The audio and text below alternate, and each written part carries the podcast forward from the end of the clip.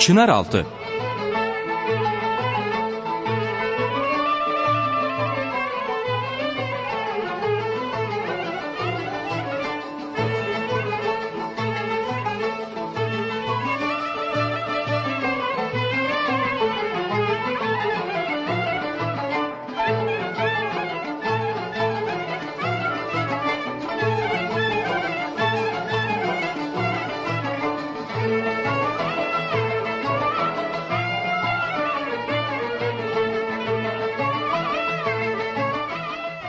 Merhaba değerli dinleyiciler.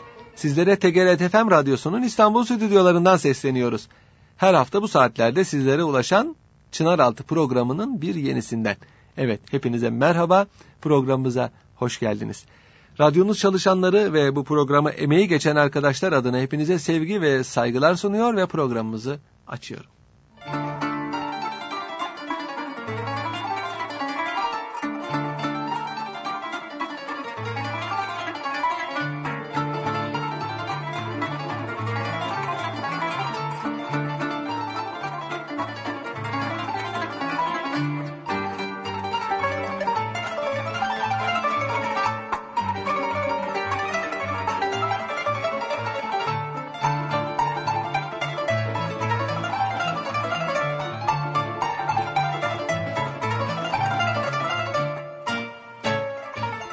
Değerli dinleyiciler Osmanlı tarihçileri kahveyi bir Şazeli dervişinin Arabistan'daki Moka'da keşfettiğini yazar. Sene 1258'dir.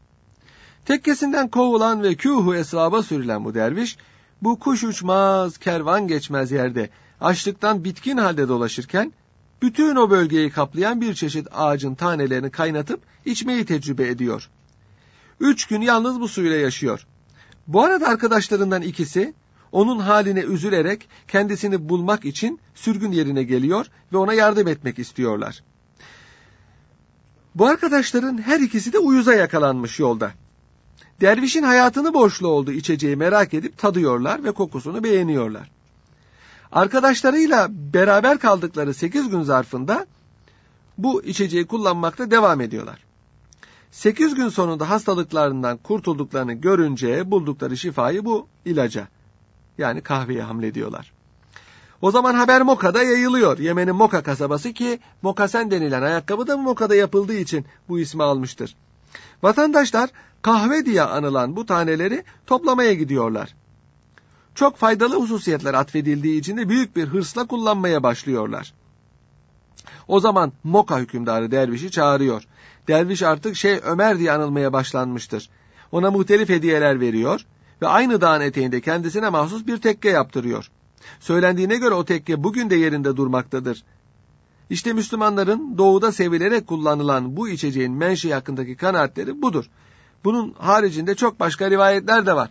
Kahvenin ilk defa Habeşistan'ın Kahve isimli kasabasında e, bir çoban tarafından bulunduğu da söylenir. Çobanın koyunları belli bir ottan, otun meyvelerinden yiyorlar ve o koyunlar hoplayıp zıplamaya başlıyorlar.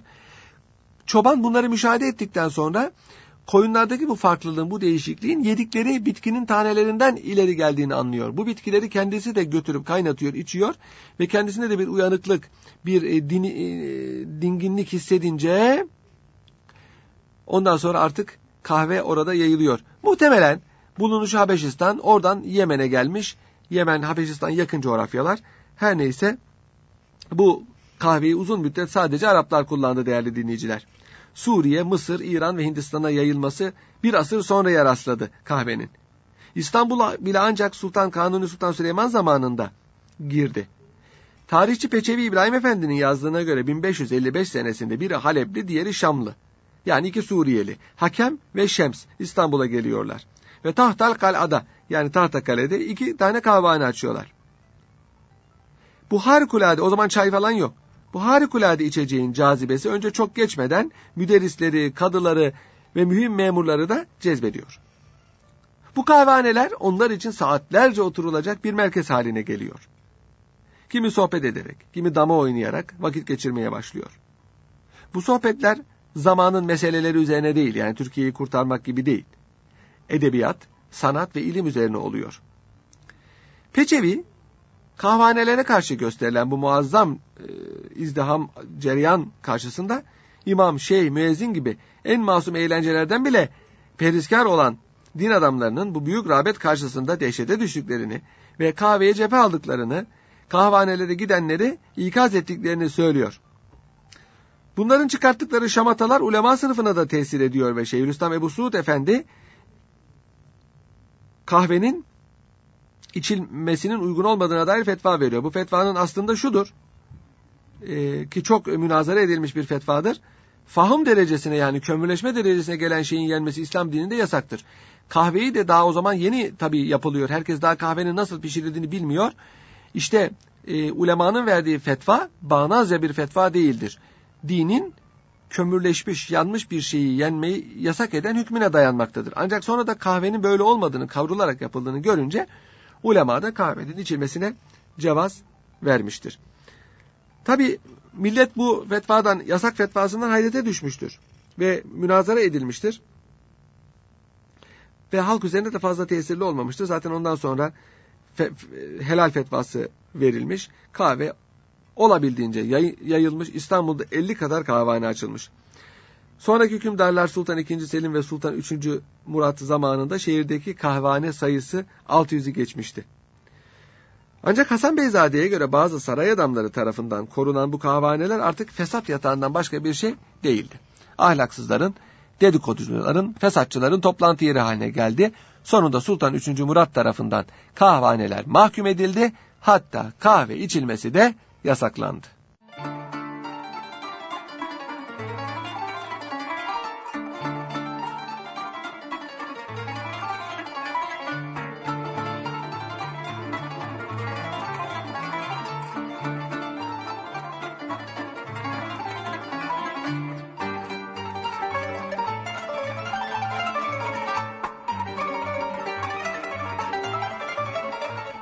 Sultan 3. Murat fesat yatağı haline gelen kahvaneleri kapatıp da kahve içilmesini yasaklayınca ulema bu içeceğin mahiyeti hakkındaki eski münakaşayı tekrar tazelediler.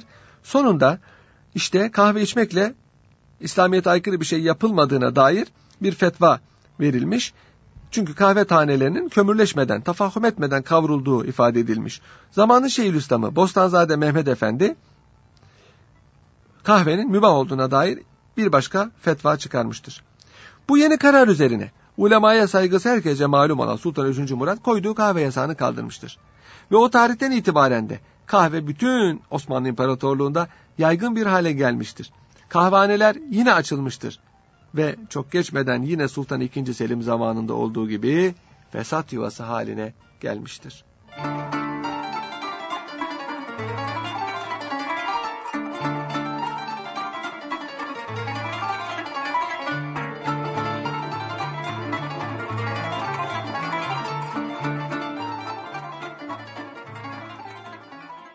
Kahvehaneler bilhassa Bahtı Sultan II. Osman'ın akıbetinden sonra asilerin buluşma yeri haline geldi değerli dinleyiciler. Bunun üzerine Sultan 4. Murat kahvehaneleri yıktırdı. Şarap ve diğer sarhoş edici içkilerle beraber kahve, tütün ve afyonu da men etti. Sultan 1. İbrahim zamanında ortalık yatıştı. Kahvaneler hiçbir müşkülata uğramadan yeniden açıldı. Ve o andan itibaren de öylesine yaygın bir hale geldi ki Bugün imparatorlukta kahvehanesi olmayan ne bir şehir, ne bir nahiye hatta ne de bir köy kaldı. Hemen her taraftaki sokaklarda, caddelerde kahvehanelere rastlamak mümkün oldu. Bunların çoğu değerli dinleyiciler köşk şeklinde inşa edilmiştir.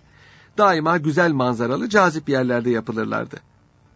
Kır yerlerinde büyük ağaçların yahut asma çardaklarının altına olurdu tahta kanepelerle peykelerle donatılırdı. Her yerdeki kahveler günün her saatinde müşterilerinin uğrak yeriydi. Şehirlerde işsiz kimseler dama oynayarak yahut sohbet ederek buralarda tütün içer ve saatlerce vakit geçirirlerdi. Bilhassa kışın meddahlar ve hokkabazlar burada marifetlerini gösterirlerdi. Meddahlar Türkçe'ye mahsus enerjiyle masallar ve hikayeler anlatırlardı. Hikayeler daha çok aşk ve kahramanlık üzerine olurdu. Daima mısralar, darb meseller ve vecizelerle süslenirdi. Buralar başka ülkelerdeki kulüplerin yerini tutardı. Müşteriler daha çok basit insanlardı. Muteber bir memur veya bir zabitin geldiği nadiren görülürdü. Bunlar daha çok seyahatte bulundukları sırada şehirlerin dışındaki kahvanelere uğrarlar. Bu uğramada sadece biraz dinlenmek ve bir finçan kahve içmek için olurdu.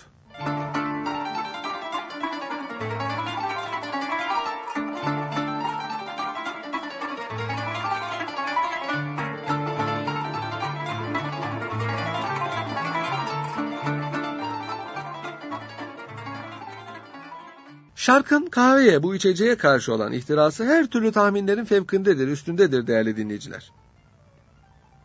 Devletin bütün kademelerinde erkekler, kadınlar, çocuklar sadece kahvaltıda değil, öğle yemeğinden sonra, akşam yemeğinden sonra, günün her saatinde hiç tereddütsüz kahve içerlerdi. Nereye olursa olsun, ister bir devlet büyüğü, ister bir şehirli, ister Müslüman ister Hristiyan olsun, ister evde, ister dükkanda, ister dairede, ister mağazada bulunsun. İster köyde ister şehirde bir ziyarete gittiğiniz zaman ev sahibi size mutlaka kahve ikram ederdi. Eğer ziyaret uzun sürerse bir müddet sonra bir kahve daha. Hatta biraz sonra bir üçüncü kahve daha gelirdi. Ancak şurası da vardı ki Türkiye'deki kahve fincanları küçüktü. Onların 3-4 fincanı birden Avrupalıların fincanlarını ancak e, doldururdu. Kahve fincanları el yakmasın diye daima bir tabak içinde takdim edilirdi. Bunlara zarf denirdi. Zarflar umumiyetle bakırdan yahut gümüşten yapılırdı. İleri gelenlerinki altın kaplama olur ve çok defa kıymetli taşlarla da süslenirdi.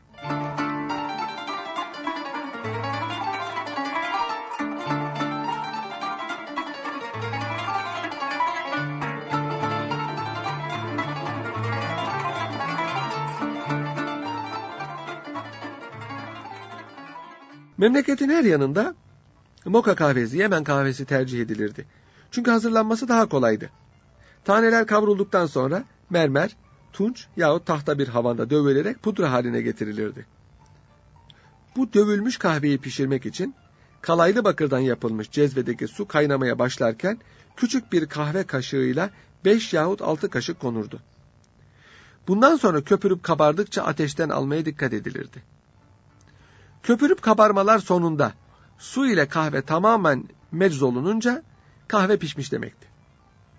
Kavrulmuş yahut dövülmüş kahveler deriden mamul torba veya kutularda saklanırdı. Bunların ağzı da kahvenin kokusunun kaçmasını önlemek için sıkı sıkıya kapatılırdı. Kahve ne kadar taze ise o kadar lezzetli olurdu. Öyle ki büyük evlerde her gün taze kahve kavrulurdu. Ayrıca taze kahve satan sayısız dükkanlar vardı. Bunların da dışında İstanbul'da ve imparatorluğun diğer büyük şehirlerinde sadece kahve kavurma ve dövme işiyle meşgul olan büyük mağazalar açılmıştı. Vatandaşların pek çoğu kahvelerini bu mağazalara götürür ve çok küçük bir para mukabilinde kavrulmuş, dövülmüş ve elekten geçmiş olarak geri alırlardı. Bu müesseselerin müdürlerine tahmis denirdi. Fransızca tamis yani elek sözü bu kelimeden gelmektedir. Bu tahmisler herkesin getirdiği kahvenin ne kalitesinde ne miktarında en küçük bir değişiklik yapılmasına meydan vermezlerdi.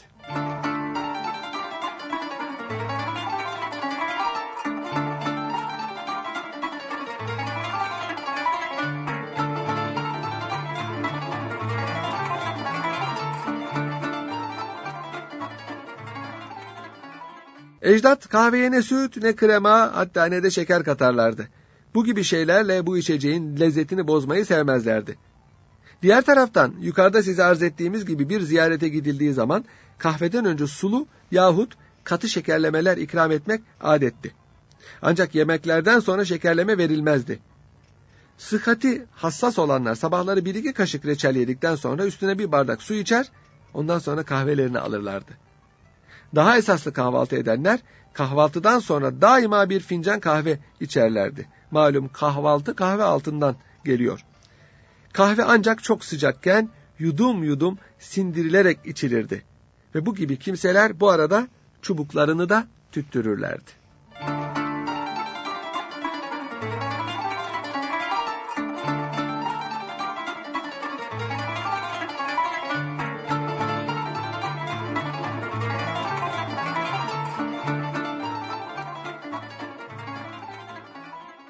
Bir de imaret kahveleri vardı. Kahvaneler bilhassa halkın beş vakit ibadet kastıyla camide toplanması veya bir, araya gelmesi yüzünden açılmıştı. Namaz vakitlerinden önce camiye gelen fakat kapıyı kapalı bulanlar yahut iki namaz vakti arasındaki zamanı geçirmek isteyenler bir müddet beklemek ve oturmak için ilk önce her caminin yanında bir yer, yer tahsis edilmişti bunlara. Hicri 10. asırda Yemen'den kahve gelince burada oturanlara birer kahve verilmesi de adet haline aldı. Daha sonra matbuat ilerleyince kıraathane şekli de yine buralarda ortaya çıktı. Kahvanelerle kıraathanelerde namaz vaktine kadar halkı oyalamak için bilhassa akşam ile yatsı arasında Hamza Name, Battal Gazi gibi halk kitapları okunurdu. Meddahlar, saz şairleri bunlara halk masallarını, halk şiirlerini söylerdi. Karagöz, hokkabaz, orta oyunu gibi milli oyunlarında ilk önce oynandıkları yerler bu kahveler ve kıraathanelerdi.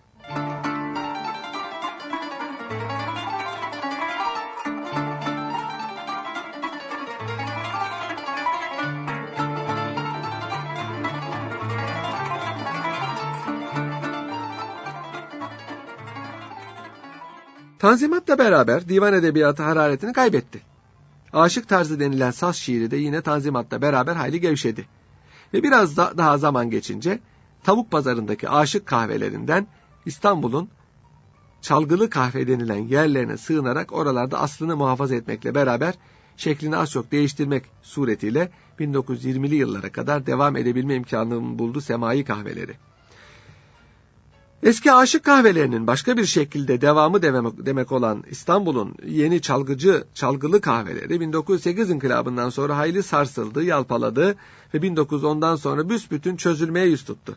Ama yine de köşede bucakta tek tük yaşadılar. Büyük harp sırasında tamamen kapanmadı ancak 1920'li yılların sonunda ortadan kalktı. Çalgılı kahveler kış mevsimlerinin cuma geceleri ve en çok bütün Ramazan gecelerinde işlerdi. Hemen her meşhur semtte bunlardan birer tane vardı. Beşiktaş'ta, Çeşme Meydan'da, Tophane'de, Boğazkesen'de, Eyüp Defterdarı'nda, Alıcıoğlu'ndaki çalgılı kahveler bunların el ileri gelenleriydi.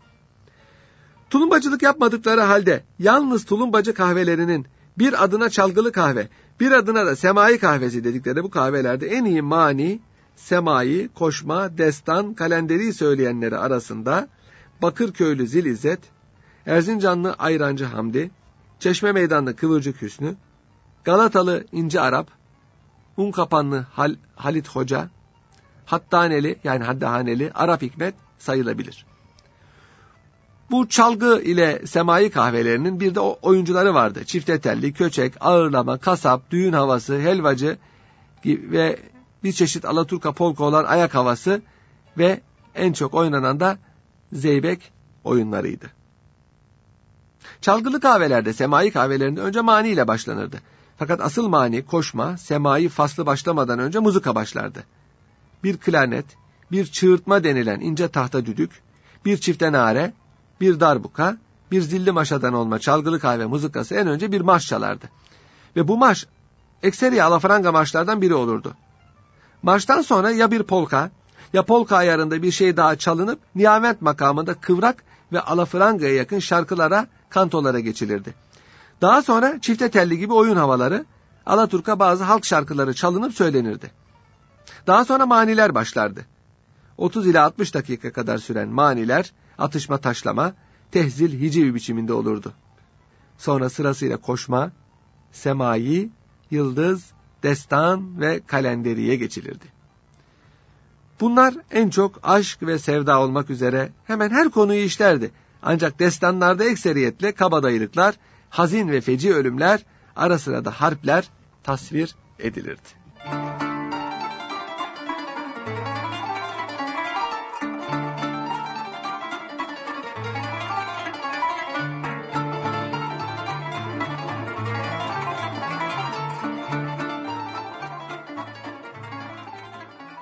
Türkiye'de kahvehane köylere nispeten yakın zamanlarda girdi değerli dinleyiciler.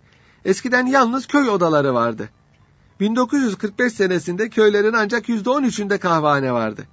Bu nispet 1960'da %30'a çıktı. 1970'te ise %50'yi aştı. İktisadi ve sosyal gelişmişlikle doğru orantılı olarak Türkiye'nin batısındaki kahvehane yoğunluğu doğu, doğudakinden çok daha fazladır.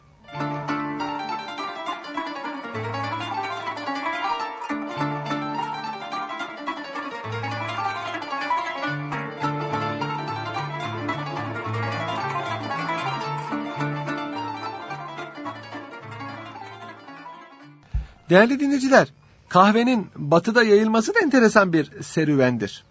Fıkralar, enteresan hikayeler, şüpheli bilgilerle dolu bir sahadır bu. Yakın zamanlara kadar kahve ağacının İran'dan çıkmış olabileceği söylenirdi Avrupa'da. Sonradan Habeşistan'dan çıktığı Yemen vasıtasıyla Avrupa'ya geldiği yayıldı. 1470'ten önce Yemen'de kahve içiliyordu. 1511'den önce Mekke'ye vardı ve Mekke'de 1511 yılında kahve içilmesi yasaklandı. Bu yasak 1524'te yenilendi. Daha sonra kahve İstanbul'a gitti ama İstanbul'a gitmeden önce Mekke'ye mükerremede yasaklandı. Rivayet odur ki değerli dinleyiciler, kahve kuvve-i bahiyeyi giderdiği için Mekkeli kadınlar tarafından kadıya müracaat edilerek yasaklanmıştır. Kahve içmek zihne ve bedene önce canlılık, sonra uyuşukluk veriyor. iddiasında bulunmuştur Mekkeli kadınlar ve bundan dolayı e, kocalarının güçsüz düştüğünü söyleyerek Kad Efendi'ye müracaat etmişler ve 1511 yılında kahveyi Mekke-i Mükerreme'de yasaklatmaya muvaffak olmuşlardır. Bu yasak İstanbul'daki yasaktan daha evveldir değerli dinleyiciler. Malum kahve önce Osmanlı Devleti'nde yayılmıştır. Kahire'de, arkasından İstanbul'da, daha önce Şam'da ve Halep'te yayılmıştır.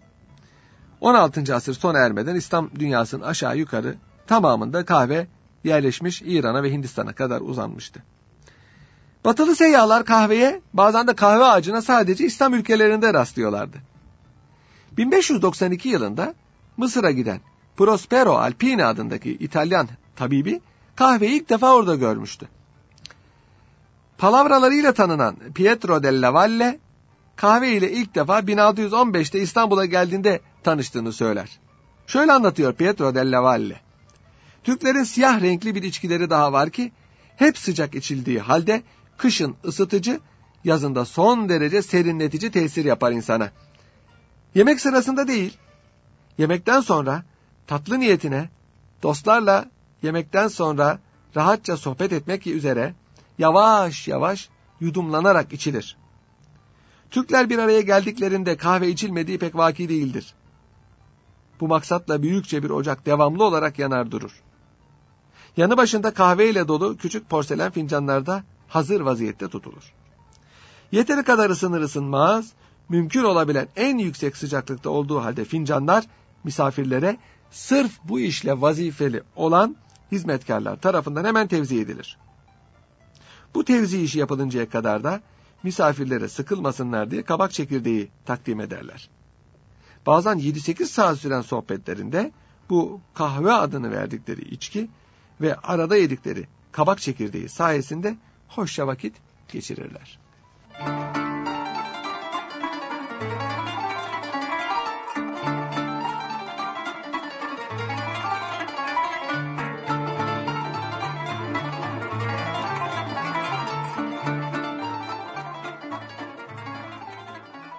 Kahvenin Venedik'e girmesi 1615 yılına doğrudur değerli dinleyiciler. Fransa'nın Marsilya limanına girmesi biraz daha geç girmiştir. Fransa'nın Lyon şehrine 1644'te ulaşmıştır. Kahve çekirdeğini fincanı ve tabaklarıyla beraber Paris'e ilk defa 1644 yılında getiren Le Roc adında, De La Roc adında bir seyyah oldu. 1650 yılında kahve Londra'ya ulaşmıştı.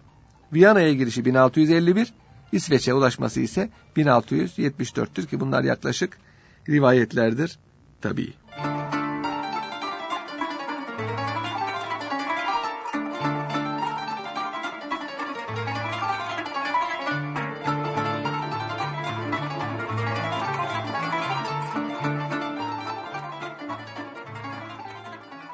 Değerli dinleyiciler, hakikatte kahve muvaffakiyetine yol açan esas iltifatı Paris'te gördü.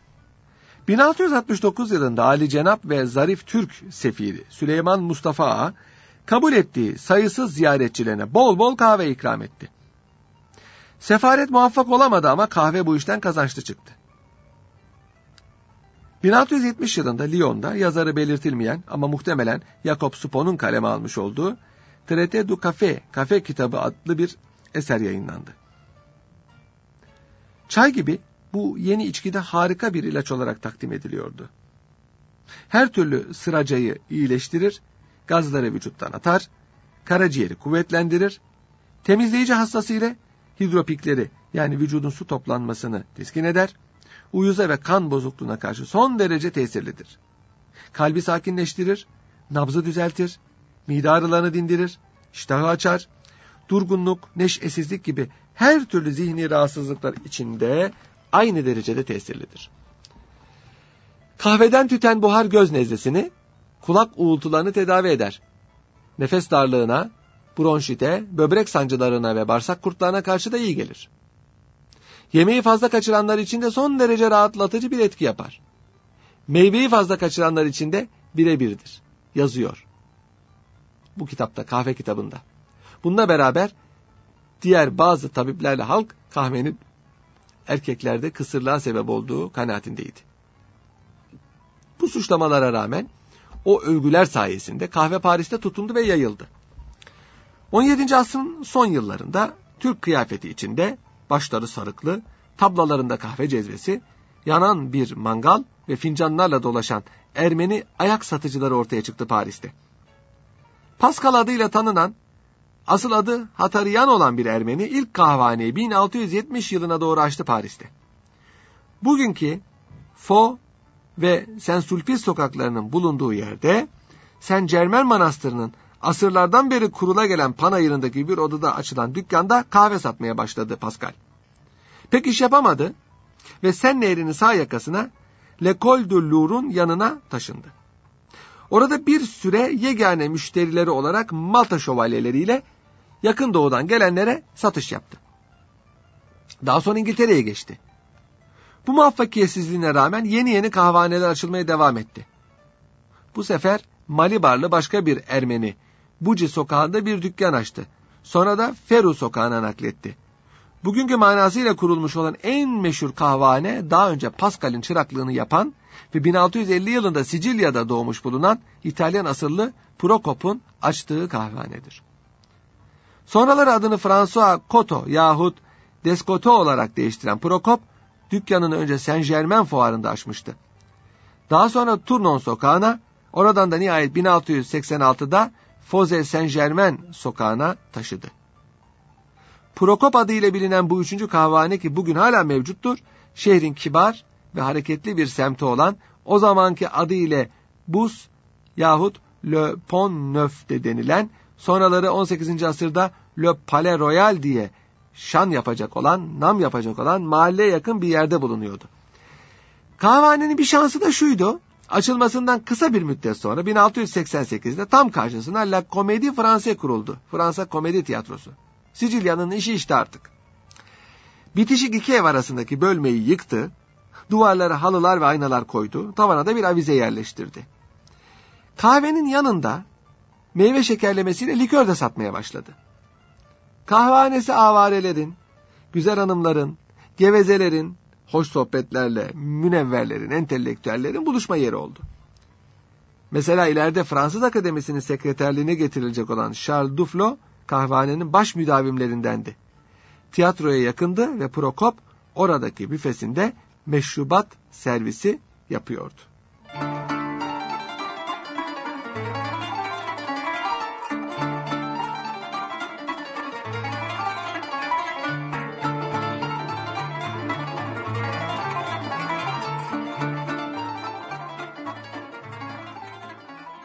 Modern kahvehane bir mahalle veya sokağın imtiyazı olarak kalamazdı.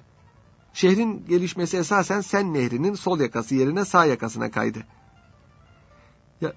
18. asırda sayısı 600 ila 700'ü bulan kahvelerin şehir içindeki dağılımını gösteren küçük bir haritadan çıkan neticede budur. Yavaş yavaş şehir Sen Nehri'nin sol yakası yerine sağ yakasına kaymıştır. Palais Royal Meydanı'nda 1861 yılında açılan Regents kahvesinin ün kazanması da işte bu devirde olmuştur. Meydan genişleyince kahvehane bugünkü Sen Honore sokağına taşınacaktır. Kahvehanelerin itibarı ve ünü yavaş yavaş kaberelerin yıldızını söndürdü. Almanya, İtalya ve Portekiz'de aynı modaya uymaktan geri kalmadılar. Lizbon'da Brezilya'dan geldiği için kahve de şeker de çok ucuzdu. Bir İngiliz'in anlattığına göre kahveye toz şeker o kadar çok konuyordu ki kaşık fincan içinde kas katı bir direk gibi dikiliyordu.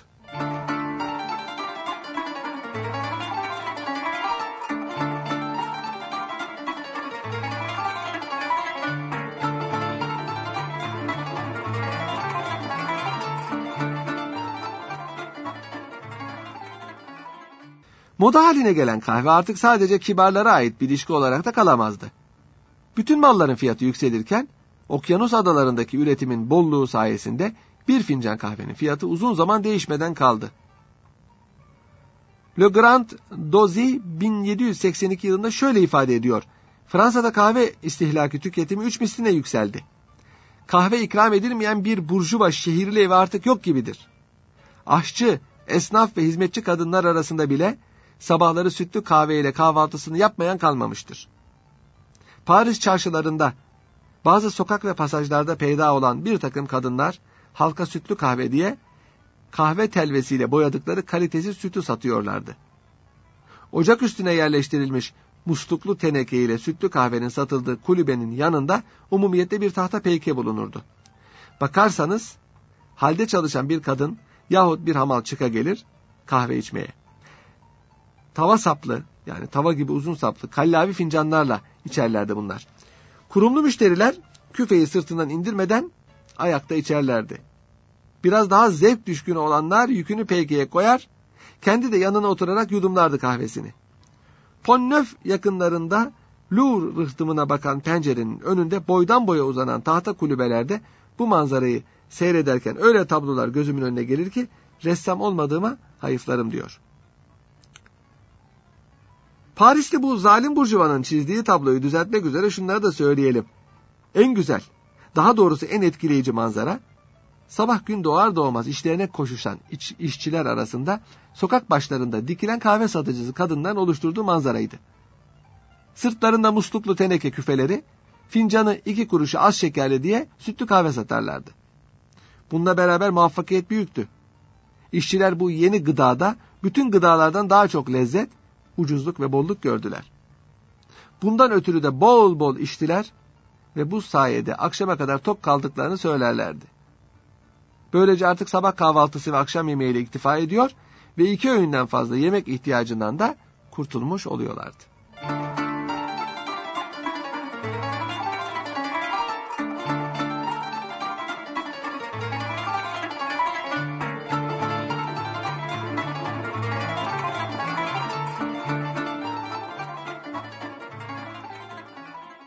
18. asrın ortalarından itibaren kahve istihlakı böylesine artmış ve bu yalnızca Paris'e ve Fransa'ya münhasır kalmamışsa bu Avrupa kendi kahve istishalinin üretimini kendisi sağlamaya başladı da ondandır. Dünya pazarları yalnız Arabistan'ın Moka çevresindeki kahve ağaçlarına bağımlı kaldığı sürece Avrupa'nın yapabileceği kahve ithalatı mahdut kalmaya mahkumdu. Bu sebeple 1712'den itibaren Java'da kahve ağacı yetiştirilmeye başlandı. 1716'da Bourbon Adası da buna katıldı. 1722'de Sayen Adası'nda yetiştirilmeye başlanmasıyla artık Atlantik Okyanusu'nu da aşmış bulunuyordu. 1723-1730 yılları arasında Martinik'te, 1730'da Jamaika'da, 1731'de de Saint Dominic'te kahve yetiştirmeye geçildi. Bu tarihler kahve istihsaline değil de ağacın yetiştirilmesine başlandığı tarihlerdir kahve üretimi için ağacın büyümesi ve çoğalmasını beklemek gerekmiştir. Dünya pazarlarına hepsinden daha sonra ortaya çıkmış olan Saint kahvesi en bol ve en ucuz olarak kalacaktır. Üretim hacmi 1789'da 40 milyon libreye ulaşmıştı. Oysa bundan 50 sene önce bütün Avrupa'nın tüketimi muhtemelen 4 milyon libre civarındaydı. Fiyat ve kalite bakımından ise Yemen'in moka kahvesi daima başta gelmiştir. Onu Java ve Bourbon adalarının kahvesi takip eder. İyi kalite kahve ince ve mavimtırak çekirdekli olur. Java'nınki de öyleydi. Bunun arkasından Fransa'nın Martinik ve Guadeloupe adalarının, sömürge adalarının kahveleri gelirdi. En sonuncusu Saint Dominic kahvesiydi. Fransa'nın 1785 yıllarında kahve ithalatı yarısı Saint Dominic'ten olmak üzere 36 bin tondu değerli dinleyiciler. Bunun 10 ila 12 tonunu tekrar ihraç ederdi. Bazı taşra şehirleri henüz bu yeni içkiyi benimsemiş değillerdi. Paris'in yıllık tüketimi 1000 ton idi. Ama taşra böyle değil. Mesela Limoj'da burjuvalar kahveyi sadece ilaç olarak içerlerdi. Ancak bir kısım sosyal gruplar ki bunun bunlar arasında kuzeyli postacılar vardı. Bunlar bu yeni modayı çok benimsemişlerdi. Demek artık yeni müşteriler bulmak icap ediyordu ki Hollanda Hint kumpanyası bunun farkındaydı. İran'da Hindistan Müslümanlarına Java'daki kendi üretim fazlasını satmayı tercih edeceği halde onlara alışkın oldukları moka kahvesini satıyordu. 150 milyon Avrupalıya 150 milyon Müslümana da ilave edersek topu topu 18. asırda 300 milyon kişi vardır kahve içen veya içmesi muhtemel olan. Bu da dünya nüfusunun o zaman aşağı yukarı üçte biri kadardı. Normal olarak kahve tıpkı çay gibi eşsiz bir mal, bir servet kazanma vasıtası haline geldi. Paris'te bunun kültür ve cemiyet hayatı üzerine ciddi tesirleri oldu. Yeni içkinin satıldığı dükkanlar, yani kahvehaneler, kibarlarla tembellerin buluşma yeri, fakirlerin sığınağı oldu. Sebastian Mercier 1782'de şöyle yazar. Adam sabahın 10'unda kahveye girer ve gecenin 11'ine kadar ki bu kahvehanenin e, polisin tespit ettiği mecburi kapanma saatidir. Orada kalır. Bir fincan sütlü kahveyle öğle yemeğini geçiştirir. Akşam yemeği de yine orada yediği bavarez yani şurup, şeker, süt ve çayla karıştırılan yiyecek bundan yer. Kahvenin halk arasındaki yayılması o kadar hızlı olmadı. Şu fıkra onu gösteriyor. 29 Kasım 1721'de idam mahkumu Kartuş'a sorgu hakimi yudumlamakta olduğu sütlü kahvesini göstererek sen de içer misin diye soruyor. Mahkumun cevabı şu oluyor. Alışkın olduğum bir içki değil bu. Bir bardak şarapla bir parça ekmeği tercih ederim diyor idam mahkumu.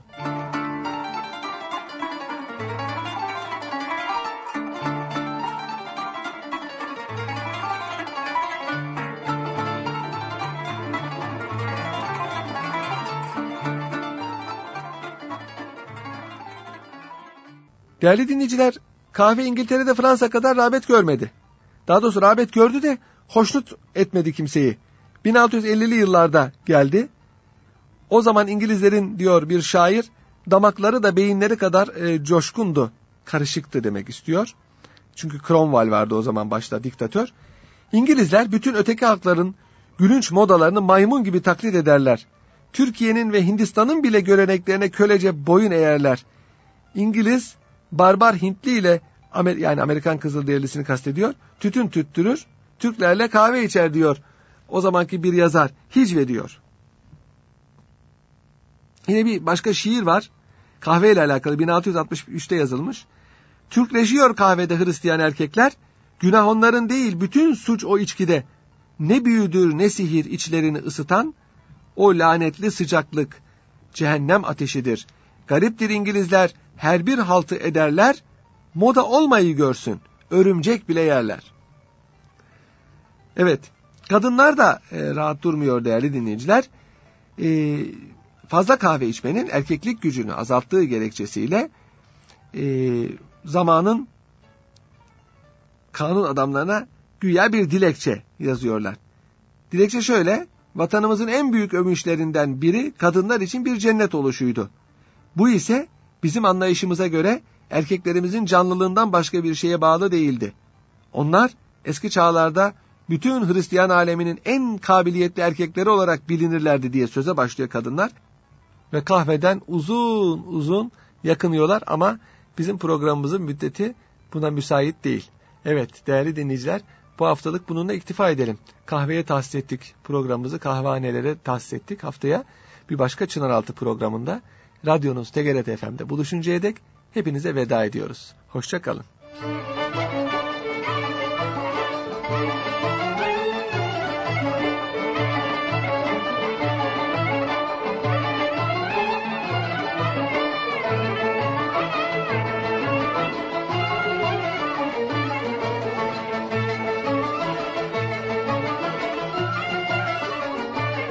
Çınaraltı